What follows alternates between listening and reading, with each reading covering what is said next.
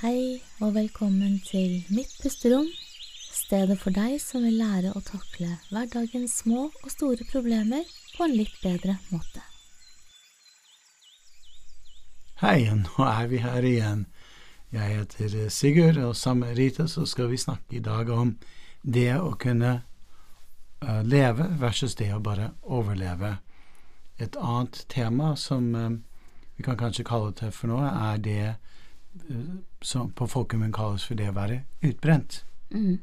Og fikk, jeg fikk et, et, brev av en kvinne nå nylig som spurte om jeg hadde tid til å hjelpe henne sånn umiddelbart. Det kunne jeg ikke. Men så sa han har du i hvert fall noen tips du kan gi meg. Og det hun skrev, var noe som jeg hører veldig ofte på kontoret. Hun var kanskje litt i særklasse stresset, men hun fortalte om en vanskelig livssituasjon. Hun fortalte om familieendringer. Hun fortalte om tenåringsbarn som hun følte at hun mistet. Eh, stress på jobben, ikke minst. Usikkerhet om hun skulle fortsette på jobben eller ikke. Og mye annet som hadde kommet opp eh, i familie i forbindelse med at hun da var i en skilsmisseprosess, så kom det opp veldig mye annet i hennes egen fortid med, med mor og far. Det var veldig mange tanker. Og hun sa da at eh, får ikke til å sove. Får ikke til å fokusere på dagen, får ikke til noen ting. Jeg bare går rundt og kjenner meg konstant stress, eh, stresset. Og jeg tror ikke at jeg klarer dette her så veldig mye lenger. Og før vi begynte å spille inn podkasten, så selvfølgelig vi pratet litt om utbrenthet. Og da fant vi ut at det var egentlig to typer utbrentheter, kanskje, jeg vet ikke om man kan si det på den måten. Men den ene typen handler om de mennesker som blir brent ut fordi de blir så forelsket inn i ideen, et, et prosjekt. De bare kjører på, og kjører på, og kjører på uten grenser. Og den andre type utbrenthet som vi snakket om, er de mennesker som blir fanget i en slags negativ stresspiral. Og den spiralen går ikke oppover, den går nedover og nedover og nedover. Mm. De blir fanget av en slags livets tyngdekraft. Mm. Har du sett noe typisk alder på de som kommer til deg i, i, som blir utbrent? Eh, det er veldig ofte smarte mennesker som har en bra karriere, som gjerne vil få til alt. Det er de som eh, kanskje har eh, Eh, leder, ofte så er de lederposisjoner. Eh, ofte så har de to pluss barn, så de har da blitt en 35-40-45 kanskje. Når vi blir over 50, så blir vi klokere, vet du. Forhåpentligvis det. Merket du ikke det? Men det, har, jeg, har jeg bikket de 50-årene ennå? Ja, det er ti år siden du bikket 50. Så, så det er klart, i hvert fall jeg merker veldig stor forskjell på meg selv, for jeg tilhører sånn som det du sa i stad den kategorien mennesker som kan brenne seg litt ut fordi at uh, Altså, jeg kan bli såpass engasjert i noe. Sånn som da vi satt og laget disse videoene uh, for ENLPP-kurset vårt, mm. Så kunne jeg sitte halve natten, uh, gjerne til klokken var tre eller fire, fordi jeg hadde bestemt meg for å gjøre ferdig listen min. Mm. Og det var gøy, men jeg var jo totalt utslitt. Jeg var kjempesliten, og jeg måtte jo på jobb neste dag igjen. Mm. Og dette var samtidig som jeg hadde en nyoperert uh, skulder. Mm. Så relativt uh, men, men, da smalfokuserte jeg på at dette er gøy. Og det er alltid litt sånn Det er jo med problemet med oss to. At når vi åpner én dør, så åpner det seg ti nye med en gang. Så vi får veldig mange ideer. Så jeg satt jo klokken to, tre, fire om natten og fikk nye ideer. Det kjente jeg at det kunne jeg jo ikke gjøre for lenge. Så da har du den positive. Men når du spør om kategorien da de andre, så det er jo som regel ikke de som kommer til oss på kontoret. Nei, det, det, det skjer. Men ja. veldig oftest det er den andre type kategorien. Og det, det er også folk som eh, ja, Vi snakket litt om ledertyper, men det er også veldig mange småbarnsforeldre som blir utbrent. Eh, for oftest de kommer i klemma med, mellom det å ha små barn og foreldre som blir ganske gammel. Mm. Hvis de i tillegg opplever en eller annen krise, en nær venn, venninne, noen i familien blir alvorlig syk, og i tillegg til det så, så uh, skjer det omstillinger. Disse omstillingene på jobben er det som oftest tar knekken på folk, på toppen av alt det andre som skjer. Mm. Så det er sikkert velmenende når disse kloke økonomhoder går sammen for å gjøre omstillinger, men det kan være en veldig veldig tung prosess for mange mennesker. Mm, det kan det. Veldig, veldig vanskelig. Eh, du har sikkert mange Du har en del ledere og folk som jobber med det, som kan brenne seg ut der, men jeg har også mange som Vi snakket om Jeg vil tilbake til den damen som sendte meg e-posten, eh, som spurte om dette med For hun er tydeligvis i et sånt overlevelsesmodus og har vært det lenge. Mm. Uh, og hun har hvert fall Hun kjenner på kroppen at dette her er, det er grenser for hvor mye mer jeg kan tåle av det. Det, det likte jeg å kalle, istedenfor å si man er utbrent, å kalle det overlevelsesmodus. Et annet ord som jeg liker å bruke, er å være fanget i et sånn negativ stresspiral. Mm. For med en gang, i hvert fall for oss, da, når vi tenker på stress, eller vi tenker på overlevelsesmodus, det gir oss masse assosiasjoner på hvorfor man er utbrent, og hva man eventuelt kan gjøre med det. Mm, mm, det er viktig. Og jeg ser jo det samme uh, Jeg jobber uh, veldig mye før så jobbet jeg mye palliativt, altså med veldig syke og døende mennesker. Og da endte jeg jo selvfølgelig opp med å ta meg av da, de pårørende etterpå. Mm. Uh, nå er det ikke så mye av det lenger, men jeg hadde for en Det begynte vel egentlig for ca. et års tid siden så begynte jeg å få en del enker som kom til meg, for de okay. hadde mistet mannen sin. Ja. Og noen av de, altså historiene bak det der, noen hadde mistet eh, han veldig brått og brutalt. Mm. Andre hadde hatt en lang sykdomsperiode eh, med mannen. Mm. Og andre hadde små barn som de skulle pleie og ta vare på samtidig som mannen var syk og døende, og også veldig trengende. Så alle sammen hadde forskjellig sorg, men alle var da alene igjen med livet sitt og sånn som det var, og da er man i en overlevelsesmodus. Absolutt. Og, og, det som jeg ser da, da Du kan tenke deg det ligger litt i ordet, Sigurd. Mm. Eh, å overleve det betyr at man vil leve. Mm. Men man vil også ha fokus Hvordan skal du leve, da? Jo, du må ha fokus på farene der ute. Mm. Du må ha fokus på det som kan gå galt. Så for eksempel den ene eh, kvinnen som hun, er, hun gikk hos meg, hun har gitt meg tillatelse til å si dette. Men hun hadde en mann som, som døde av, eh, av, kreft, som gjorde at han hostet veldig mye på slutten. Og han hadde veldig sånne voldsomme hostekuler. Og det her satte seg litt i nervesystemet hennes. Mm. Så det vil jo si at eh, hun hørte han hoste gjennom flere år, faktisk. Og det betød, for hver gang han hostet, så tenkte hun oi, nå er kreften tilbake. Nå er han på vei til å bli syk igjen. Eh, og så dør han da til slutt. Eh, og så tenker hun nå kan jeg begynne å leve livet. Men det kunne hun jo ikke. Hun var jo fremdeles stressa. Og så var det Og så trodde hun at alt der ute skulle gå galt. Hun, hun begynte å se etter ting som kunne gå feil. Altså, hun, hun eh, Naboen, som hun tidligere hadde hatt et veldig godt forhold til, begynte hun å se på med litt sånn skeptiske øyne.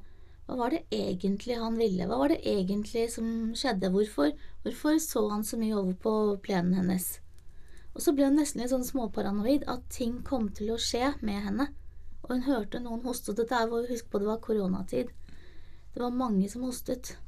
Og hun var livredd. Og så ble hennes eh, svigerdatter gravid. Eh, og hva skjer da? Istedenfor å glede seg om det livet som skal komme, så, så tenker hun på én ting. Herregud, ikke sant. Han døde. Naboen ser rart på meg. Um, jeg kan ikke stole på han som reparerte bilen min, for nå funker den ikke igjen. Og nå er svigerdatteren min gravid, og jeg tror kanskje at uh, barnet kommer til å dø i magen hennes. Og det kommer jeg ikke til å klare. Ser du, det ble totalt kaos med ting som vi andre kanskje ikke ville tenkt å koble opp. Men for henne, så da, da sønnen hennes en dag kom hjem og hostet, så var hun jo overbevist om at han skulle dø av kreft, han også. Og det ville ikke svigerdatteren tåle, og så ville barnet dø, og så ville hun miste hele familien sin. Så så gærent kan det gå når du er i overlevelsesmodus, for du ser bare avvik, du ser feil, du ser det du er redd for, du ser etter det du ikke kan kontrollere, og du blir et voldsomt stress på nervesystemet. Det er som å, være som et sånt uh, byttedyr, og så vet du at uh, verden der ute er full av farer. Det er slitsomt. Og det er en måte, og ganske normal, vanlig måte folk reagerer på når de blir fanget i den overlevelsesmodus. En annen måte folk kan reagere på, er at de blir sengeliggende. De trekker seg tilbake, de trekker dyna over, og det er nettopp fordi de blir så følsomme for omverdenen og hele din søke etter farer at de blir utslitt av å hele tiden søke, søke, søke. Og de er veldig sliten fra før av, så de trekker dyna over hodet, og de ligger i sengen. Problemet med det er at de blir ikke så veldig mye bedre av å bare ligge der heller. Så de våkner opp med å klandre seg selv. Ja, men nå har jeg ligget en hel dag. Hvorfor har ikke jeg mer energi nå? Hvorfor er ikke livet mitt bedre nå? Så vi, har, vi ser liksom to hovedtendenser når det gjelder uh, de vi vil kalle utbrent. Og det er den ene ene tendensen er at de blir litt sånn veldig vokter over miljøet rundt seg. Og det andre er til folk som bare trekker seg tilbake, trekker seg inn i seg selv og prøver å verne om seg selv. Så det er uh, de to ytterpunkter. Mm. Uh, jeg tenker også at hvis du Gabor Maté er jeg veldig glad i. Han er en uh, lege eller psykiater. Har pensjonert seg nå. Verdt å lese om Gabor Maté. Han har skrevet What the Body Says um, og mange andre bøker som handler mye om folk som har opplevd traumer, og som lever med traumer fremdeles i nervesystemet. Og han har, i forhold til dette med å overleve, han har en veldig fin uh, skissering av tre ting, da, de tre viktigste stressordene. Som, som, jeg ser da, Hvis du nå relaterer til den damen jeg akkurat fortalte om, så ville hun da score høyt på disse tre stressordene. Dette er generaliserte ting. Det ene er usikkerhet. Hvis du er i en overlevelsesmodus, så vil du være på jakt etter hva du er usikker på. Hva du ikke helt vet ennå, hva som kanskje kan gå feil. Det er sånn usikkerhet. Så usikkerhet er en stressord. Det andre er jo da at du føler deg hjelpeløs. Uansett hva jeg gjør eller ikke gjør, f.eks. uansett hva hun gjorde og ikke gjorde for mannen sin, så gikk det bare én vei. Uansett hva hun gjorde eller ikke gjorde, så, så, så kom hun ikke videre. Livet ble ikke sånn som hun ønsket eller følte at det burde være. Og den tredje Eh, og hjelpeløshet, det vet vi jo, bare som et apropos. Hvis du har det gang på gang over lang tid, så blir du Du gir opp håpet. Og da blir du ganske deprimert til slutt. Så depresjonen ligger liksom rundt neste sving her. Mm. Og, og, den tredje tingen er nettopp dette med konfliktnivået. Eh, hvis konfliktnivået er høyt der ute, at f.eks. grunnen til at naboen hennes sto og tittet inn på hennes plen, aner ikke hva det var, men for henne var det en mulig konflikt. Det at uh, denne mannen som fikset bilen hennes, ikke gjorde det han skulle, det ble også en konflikt. Hun måtte krangle med noen. Og det er de ytre konfliktene. Men så er det også de indre konfliktene. For hun elsket jo selvfølgelig at hun skulle få et barnebarn. Hun likte tanken på det, men hun var livredd for å miste det. Uh, hun ville, og hun ville ikke hun hadde lyst på, men hun klarte ikke. Denne indre konflikten, den polariteten, som trekker oss frem og tilbake. Så det er altså de tre stressordene.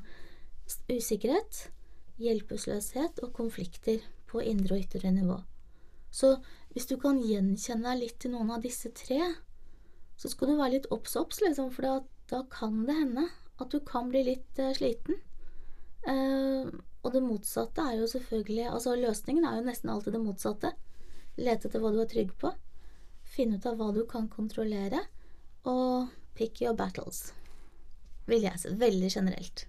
Nei, men jeg syns det er gode råd. Vi begynner å gradvis skli litt innover i neste tema. er Hva skal man gjøre hvis man finner ut at man har blitt fanget i en overlevelsesmodus? Du føler deg utbrent, du føler at livet begynner å miste litt mening, du, du føler at ting begynner å bli litt håpløst. Og da i, i, tråd med det Rita sier, er det kanskje litt lurt å begynne å fokusere på hva jeg egentlig har kontroll over. Mm. Og jeg, ja. jeg, bare sånn et lite apropos der, for jeg kom på det nå. En veldig god samtale som jeg hadde for uh, en liten stund siden. Sånn at jeg har snakket med en uh, veldig smart, oppegående person som har vært kjempestresset lenge. Og så sier jeg til vedkommende, men uh, Ok, men når vet du at faren er over, da? Det er et nydelig spørsmål. For han sa det er så mye, det er så mye som jeg er usikker på, det er så mye, er så, jeg er så stresset og jeg er så redd og sånt nå. Når vet du egentlig at faren er over? Og denne smarte, oppegående, herlige fyren hadde ikke peiling. Fordi det du snakker om der, er oftest når folk har vært gjennom en veldig vanskelig periode, istedenfor å fokusere på at nå er det over, eller nå har vi kontroll over det, så fortsetter de å tenke på det på en måte som gjør at de gjør seg selv handlingskraftig løs, da, eller kan man si det? Eh, de klarer ikke å ta tak i, i, i ting. og det er, det er, veldig fascinerende hvordan menneskets historie, den narrativen de forteller seg selv, blir fanget opp av bare det negative. Mm.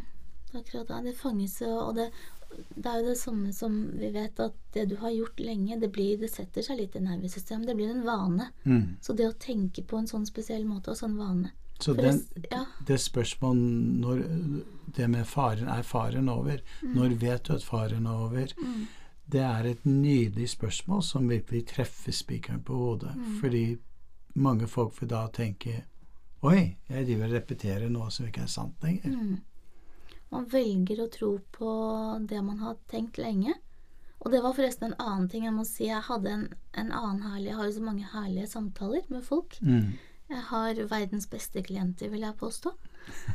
ja, det har jeg. Ja. det har du òg? Ok. Mm. Mm. Mine er bedre enn dine.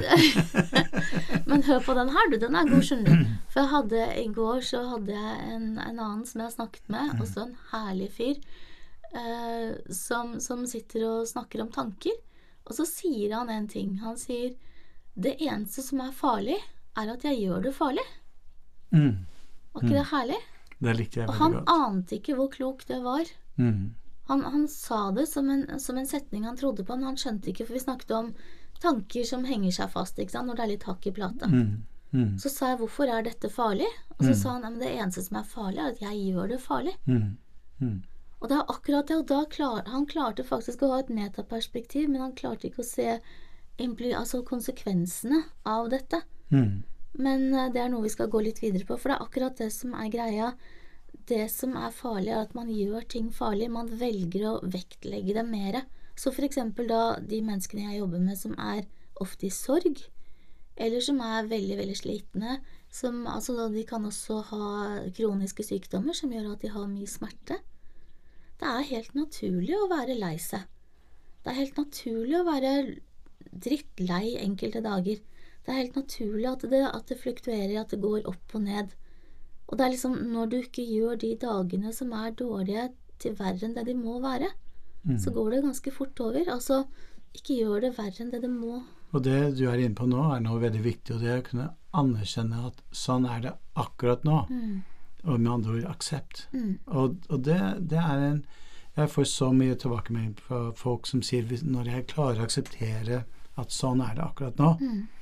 Og legg merke til ordene 'sånn er det akkurat nå' betyr ikke at det kommer til å bli sånn for alltid, mm. eller at det alltid har vært sånn. Det er akkurat nå at jeg slår meg til ro med at sånn er det akkurat nå. Og da mm. stopper du den negative stresspiralen folk er fanget i. Da, er det liksom, da, da kan de lande litt her og nå.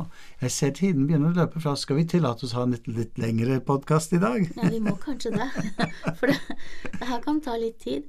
For, for, når du snakker om at sånn er det akkurat nå, så får jeg selvfølgelig et annet bilde inn i hodet mitt. Og det er børskurver. Ja, fortell. Ja, det er litt morsomt, for at eh, jeg satt og snakket med, med noen angående hvordan livet gikk litt opp og ned. Og så, og så, sier vedkommende at ja, jeg skulle ønske det liksom bare kunne Hvis jeg gjør dette, så kan du vel bare Kan du ikke bare gi meg en oppskrift, Rita, sånn at det går rett opp? Skal bare bli ferdig. Altså, jeg skal jobbe knallhardt, og jeg skal bare bli ferdig. jeg skal gå rett opp. Det er ikke helt sånn det funker, da. Nei, utviklingen er oftest litt sånn uh, interessant stil. Ja, det, det, er som en børskurve, og, og hvis vi tenker da Hvis vi tenker på så da, Jeg brukte analogien for å snakke om at du må sammenligne deg med deg. Du må sammenligne deg selv med hvor du var for fem år siden, ti år siden, 15 år siden. For vi mennesker vi endrer oss så mye mer enn det vi tror. Vi tror at sånn som jeg er i dag, skal jeg være alltid, men det er vi jo ikke. Jeg ville tro at din eh, jeg vet ikke, musikksmak har antagelig endret seg litt nå fra hva den var for 30 år siden, var den ikke det? Ja, kanskje det. Kanskje. Det er... Eller er du stabil? Nei, du kan si at uh, når man bikker 50, da, da Mm. begynner man å gå litt tilbake mot uh, Så du er på vei ungdom og barndomstid. Ja, ja. Blir nostalgisk av meg. Ja, kanskje litt sånn. Men, men jevnt over så endrer vi oss. For jeg husker at eh, da jeg var 18-19 år, så skulle jeg jo Altså, jeg kunne høre på Bee Gees hele tiden. Og jeg skulle gifte meg med Barry Gibb, og det var ikke måte på. Stevie Wonder skulle gifte meg med han òg. Så å sitte der og så synge med han eh, mens han groovet på piano Du er ikke blitt så gammel ennå. Nei, men, men nå hadde jeg kanskje ikke orket å høre for mange sanger av dem. Før kunne jeg høre det døgnet Ja, ja, ok, jeg gir meg. Jeg, jeg er enig. Jeg er enig. Vi endrer oss litt. Men, men hele poenget er at det, det er ikke noe sånn at det er bedre eller dårligere å høre på Bee Gees eller ikke. Det er bare at vi er i endring. Ja. Og det er litt av det viktigste med metaperspektivet. Mm. Men så nå tenker på børskurven igjen, da. Så tenker jeg vi må sammenligne oss med oss selv. Mm. Og eh, ha det som et bakteppe for det jeg nå skal si. Forestill deg en børskurve som går over fem års periode. Så ser du at det kanskje starter på ti, og så etter eh, fem år så er den kanskje oppe på 350. Ok, Det er ganske bra vekst, men det er faktisk ikke så eh, Det er veldig sannsynlig. Over lang tid så går børsen nesten alltid oppover. Og så kan du tenke på en måned, da, så kan det variere ganske mye mer. Det kan starte ganske høyt, og så går det litt ned igjen, og så går det litt opp igjen. Og kanskje på en måned så kan du ha gode måneder og dårlige måneder. Noen ganger kan de være ganske flate. Men hvis du tar én dag, bare én dag, og så ser du på den, så kan den starte knallhøyt. Og så kan den droppe til 3-4-5 under omtrent. Og så kan den gå opp igjen, og ned igjen og opp igjen, mange ganger i løpet av en dag. Så hvis man da tar det og kjører det over til den ideen jeg har med at hvis du ser på deg selv akkurat sånn som du er nå, og tror at akkurat sånn som jeg er nå, er sånn livet mitt er, Eller kommer til å bli. eller kommer til å bli, eller kommer til å alltid skulle være, så er det ganske feil. Og det er en veldig stor frykt mange folk har, er at når de kjenner så, seg så sliten, så utbrenthet Det er veldig naturlig å bli redd for sin egen fremtid. Mm, det er klart det. Og når du har smerter, eller du er overveldet, så det er, det er veldig naturlig. Og derfor, det som er farlig med det, er at de tror på de farlige tankene. Mm. Men hvis vi nå går tilbake til denne børskurven min, da, så jeg påstår at vi er mer enn dagsformen vår. Og vi er til og med mer enn hva vi har klart å få til den måneden. Mm. Vi er totalsummen, altså vi må se på utviklingen over tid. Mm. Og da vet jeg at det er mange nå som sitter og hører på dette, som tenker ja, men jeg var jo en bedre person for fem år siden, eller jeg var gladere for ti år siden, jeg hadde det bedre da. Og da tenker jeg ok, la oss gå tilbake til aksjer og fond, ok? Og så kan man tenke i et fond så har man gjerne forskjellige porteføljer, man har forskjellige aksjer. Når den ene går opp, så går den andre ned. Men la oss tenke på dette her nå kun som aksjer, altså enkeltaksjer. Og det er enkelte ting som hvis vi investerer mye tid på å tenke dårlige ting om seg selv, eller om deg selv, Mm.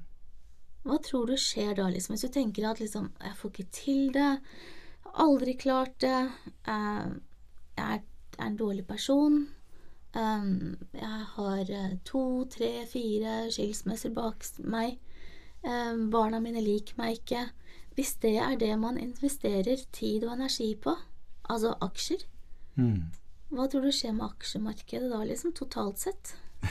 Selvfølgelig. Du får en negativ avkastning. Ja. Den, den synker. Så selv om du da gjør en del ting som er positivt, selv om du da kanskje trener og du spiser sunt og du gjør en del ting som, som trekker ting opp igjen, Mm. så, så er det totalsummen som du sitter igjen med. Og det som kan være faren der, er at du begynner å identifisere deg selv med det, som om jeg er mislykket. Mm. mitt liv er et eneste lang ja, skal vi si helvete, da. Jeg er en mislykket person. Og den negative spiralen der er fryktelig vond. Og ofte så kan de også finne eksempler fra barndommen som bekrefter 'jeg er mislykket'. Og den, den negative, negative identiteten er ekstremt ødeleggende. Det akkurat det. Så det på en måte å identifisere hvilke aksjer er det du har, mentale, emosjonelle aksjer, er det du driver og investerer i, som, som gjør at du får en negativ vekst. Mm. For hvis du ser at veksten har vært veldig negativ de siste fem eller ti årene, så er det som, som, regel så blir vi mennesker litt bedre år for år. Vi blir litt eldre, vi blir litt klokere, vi klarer kanskje å finne litt læring av ting, men det hender også at vi ser at veksten er negativ. Og da kan vi enten sette oss tilbake og si, sånn som disse stressordene, det er usikker på hvordan fremtiden min blir, det bare er sånn, jeg er hjelpeløs, jeg vet ikke hva jeg skal gjøre med det. Og det er å legge enda mer negative aksjer til dette her. Mm. Da går det garantert nedover. Enig. enig. Så den ideen, det du snakket om ja, men for fem år siden var livet mitt mye bedre, det du egentlig sier da, er luke ut eller ta vekk de aksjene så, og ikke investere mer tid i de, det som gir mm. deg negativ avkastning. Mm. Så du kan si at nå er livet mitt blitt bedre. Ja, og av og til så er det faktisk alt som skal til for å føle seg bedre. Mm. Mm. Uh, rett og slett bare, bare, kvitte deg med noe av det som hva heter det, weigh you down. Things that are weighing you down. Yeah. Jeg liker å bruke følgende idé om en slags paraply. Jeg sier til folk hvis du står under en paraply og det regner ute, da blir i hvert fall halvparten av kroppen ikke våt. og da tenker jeg eh, Og hvis du har på deg støvler og litt ordentlig klær på, så blir du stort sett Du holder deg veldig tørr under paraplyen. Og da er negative aksjer Det kan være regndråpene som treffer paraplyen. Og da er det f.eks. negative tanker om deg selv, den identitetsspørsmålet hvem, hvem er jeg? Uh, det kan være også kroppsholdning, hvordan du mm. bruker kroppen din. Menneskene som er rundt deg. Og en del av det kognitive kan også være du, hva slags historier du går rundt og forteller deg selv. Mm. Og hvis du kan klare å tenke på at alt dette er faktorer som regner på deg, da må du tenke hva er paraplyen som skal beskytte meg, mm. eller at jeg kan, at jeg kan mm. bli hel igjen. Mm. Og da kom jeg på noe som jeg satt jeg, jeg, tenkte på det Jeg skrev akkurat en sånn, lagde en liten meme av det i stad. Fordi det er jo akkurat det at man kan bli så overveldet av livet, av alt det som skjer, av reelle negative faktorer. Av sykdom eller stress eller at oppsigelser eller lite penger, hva det mm. er for noe. Det er ikke tvil om at livet er tøft av og til. Mm. Og da må vi beskytte oss litt. Mm. For ikke bli våt, som du sier. Mm. Eller vi må kvitte oss med de aksjene, som jeg sier, for å ikke bli, få negativ utvikling. Mm. Veldig mange metaforer her nå. Jeg regner med at alle de visuelle henger med. du blir kanskje overveldet? Ikke bli stresset av alle bildene som kommer på. Kanskje vi stresser dem opp istedenfor? Nei, forhåpentligvis ikke. Men, men det, jeg, det, jeg, sitter og tenker på, er uh, For jeg, jeg, snakker jo da med mye, mange mennesker som er overveldet av livet og livets uh, urettferdighet og sånne ting. Ja. Og da istedenfor å tenke 'hvordan skal jeg klare dette?' og lage uendelig lange lister som er så lange at du omtrent ikke skjønner hvor du skal begynne på det, mm. så er det et mye bedre spørsmål å si 'hvem kan hjelpe meg?' Mm. Mm. Istedenfor å si 'hvordan', så sier du 'hvem'. Hvem kan hjelpe meg med dette? Hvem kan gjøre det for meg av og til? Hvem, hvem kan bistå meg?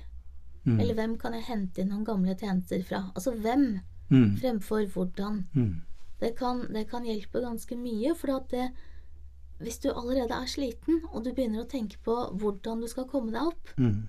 Det er nesten det samme som å, som å, snuble og falle og ligge og ha det vondt, og så skal du dra deg selv opp i det nakkeskinnet. Og så si at nå må jeg bare jeg må, jeg må komme meg til mål. Jeg må dra meg selv opp. Det er ikke alltid at vi klarer å dra oss selv i nakkeskinnet og komme oss opp. Og hvis du har falt og ligger og har det vondt, så kan det være lurt å spørre hvem kan hjelpe meg, og da selvfølgelig rope om hjelp, eller i hvert fall stoppe noen eller si fra. Mm. Tørre å si fra hvordan man har det, til noen få utvalgte, det tror jeg er viktig.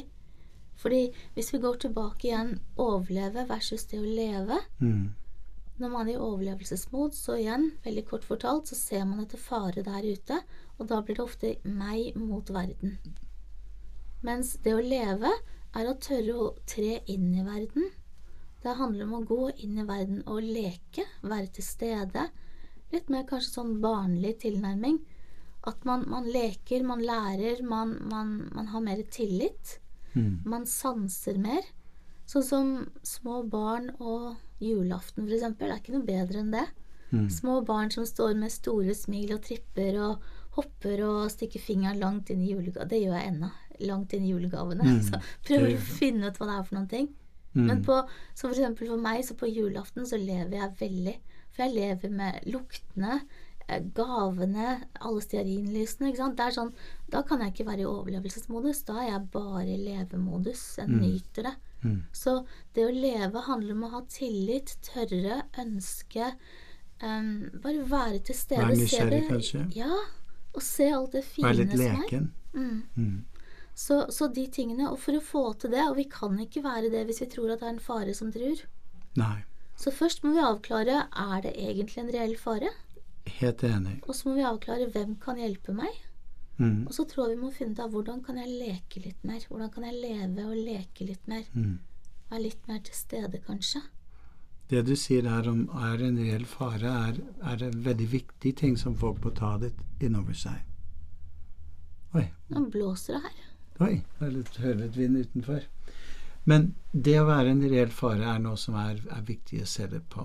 Og når vi, når vi tenker på det oftest, når du snakker om det å tørre å snakke med andre folk og ta inn over andre folk Hvis man er virkelig fanget i sånn overlevelsesmodus, så ser man ikke de som prøver å hjelpe dem.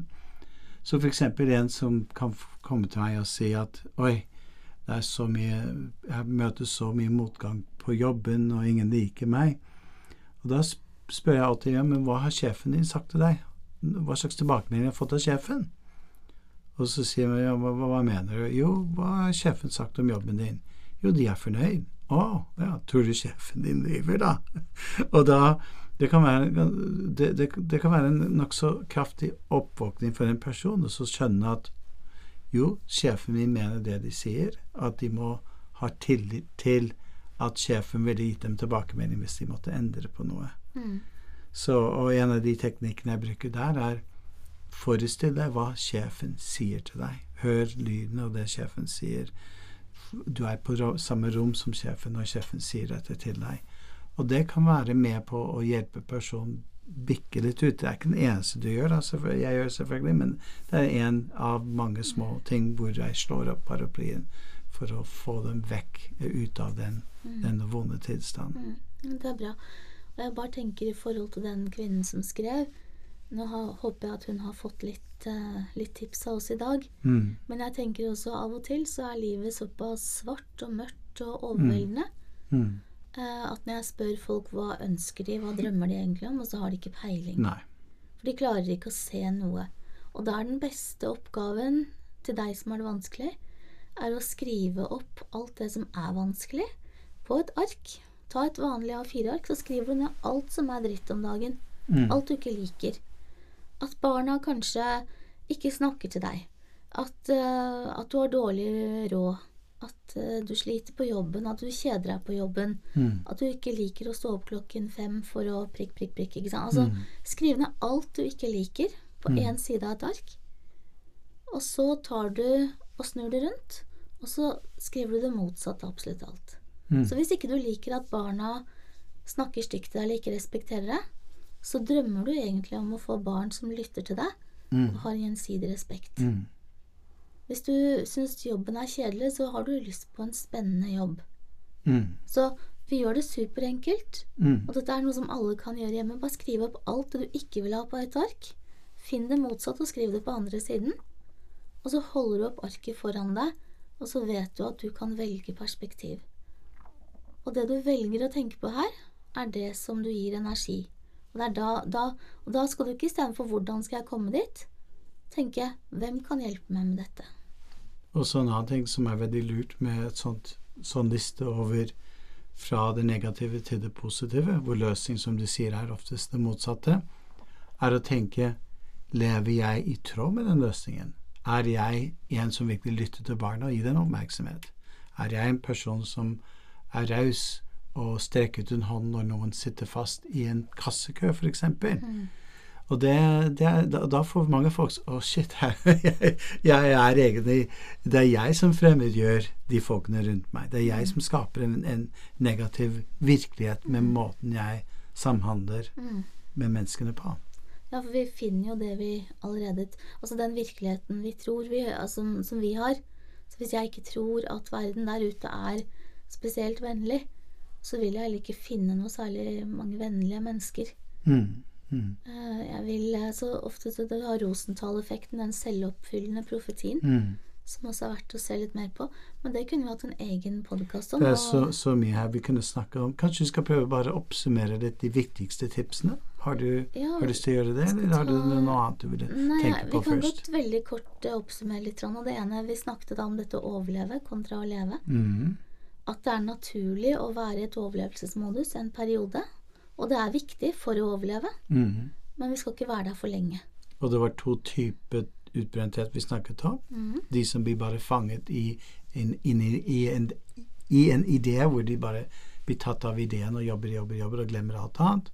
Og den andre hvor man uh, føler at livet går dem imot, uh, og de får ikke til noen ting på mange, mange ulike plan. Mm. Og da trekker de dyna over hodet og vil bare prøve å sove seg til å bli bedre. Mm. Og så snakket vi vel også litt om at når vi er i et overlevelsesmodus, så påvirker det både tankene våre, og så for så vidt vanene og fysiologien vår. Veldig viktig. Så, så det å, å, være der, da står man Eller man sitter egentlig på sidelinjen og ser på livet som skjer der nede, mens man selv bare er opptatt av å finne fare. Det, det er litt sånn litt morsomt, for det er nesten umulig å føle seg nedenfor og utslitt hvis man endrer kroppsstillingen. Mm. Så det, det å, å, endre måten man puster mm. på Så det er en, en, en, det er en veldig kraftig intervensjon å se folk og be dem å reise seg opp, strekke ut, mm. puste på en annen måte. Mm. Og da ser i hvert fall jeg, og det gjør også du, at det skjer en skift mm. i, i, deres sinn og måten de tenker på. Og da er det veldig morsomt å spørre hvordan føler du deg nå? Og da, og da er det liksom Oi, de, de, blir litt overrasket, og de føler seg bedre. Men så kommer ordet 'men'. Men. Og så de, går de tilbake i den vanlige, vonde, tilst, vanlige vonde tilstanden. Ja. Og den vonde tilstanden Det er veldig lett å se hvordan mennesker har det. For det hvis, de er, hvis de har smerter, altså fysisk eller psykisk, eh, hvis de er stresset, så har de en tendens til å bli stiv i kroppen. Og de blir litt mindre. De tar mindre plass. Det er sånn implosjon. Ja. Du ser at de blir mindre, eh, og, og, ser ofte ned. Puster selvfølgelig dårlig. Mm. Og da har man igjen en ny podkast, tror jeg, på gang. Men altså en, en eh, lykkeforskning handler om å ta plass. Ja. Strekke deg opp med armene, vifte med bena, altså være i en sånn Når man tar plass og går ut av komfortsonen og tør å gjøre litt mer, så, så det fra å overleve til å leve, det handler om å tørre å gå litt mer inn i livet. Men gjør det på din måte, fordi det er viktig å huske at du er den som kjenner deg selv best. Så hvis du skal gjøre dette her for fort, så kan det bli vanskelig. Ja, Liksom, og da er vi inne på det neste som vi snakket om, og det er ta sånne små baby steps. Mm. Litt, litt, av gangen, og, og ikke overdrive. Ikke, selvfølgelig er viktig å gå utenfor komfortsonen, men det som er som går igjen i utbrenthet, er at man er egentlig fanget i og, og, og, det å være i overlevelsesmodus er at man er fanget i en sånn stressmodus. Mm. Og hver gang du er utenfor komfortsonen, det tilfører tilfører kan påføre mer stress, mm. så er det veldig viktig at man opplever en liten seier når man mm. går utenfor komfortsonen sin. Ja, ikke sant. Og da, da bryter vi ned disse målene til veldig smått. Til f.eks. istedenfor Hvis du ser på børskurven, som vi snakket om, og så ser du at det er noen aksjer som, er som har negativ utvikling. F.eks. da å, å, bli en sofapotet og se på Netflix hver eneste dag mm. mens du spiser en pose med chips og syns synd på deg selv og er overveldet og tenker alt det du skulle eller burde ha gjort, og hvordan ting var bedre før. Mm.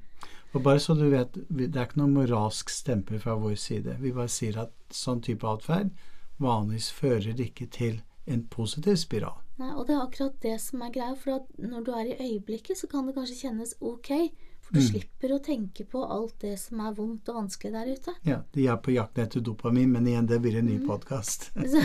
ja, nå ble det tre-fire stykker nye.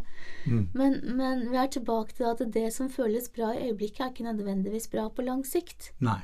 Og det er helt umulig å forstå med mindre du ser det på avstand, et metaperspektiv når du ser metaperspektiv, og du ser at her er det negativ utvikling, mm. så kan du velge å gjøre noe med det, eller ikke.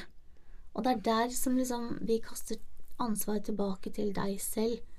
Men mm. der gjør det smått. Begynn smått, istedenfor å tenke at Jeg skal begynne å la oss si trene istedenfor å bare sitte i sofaen hver kveld, så skal jeg begynne å trene.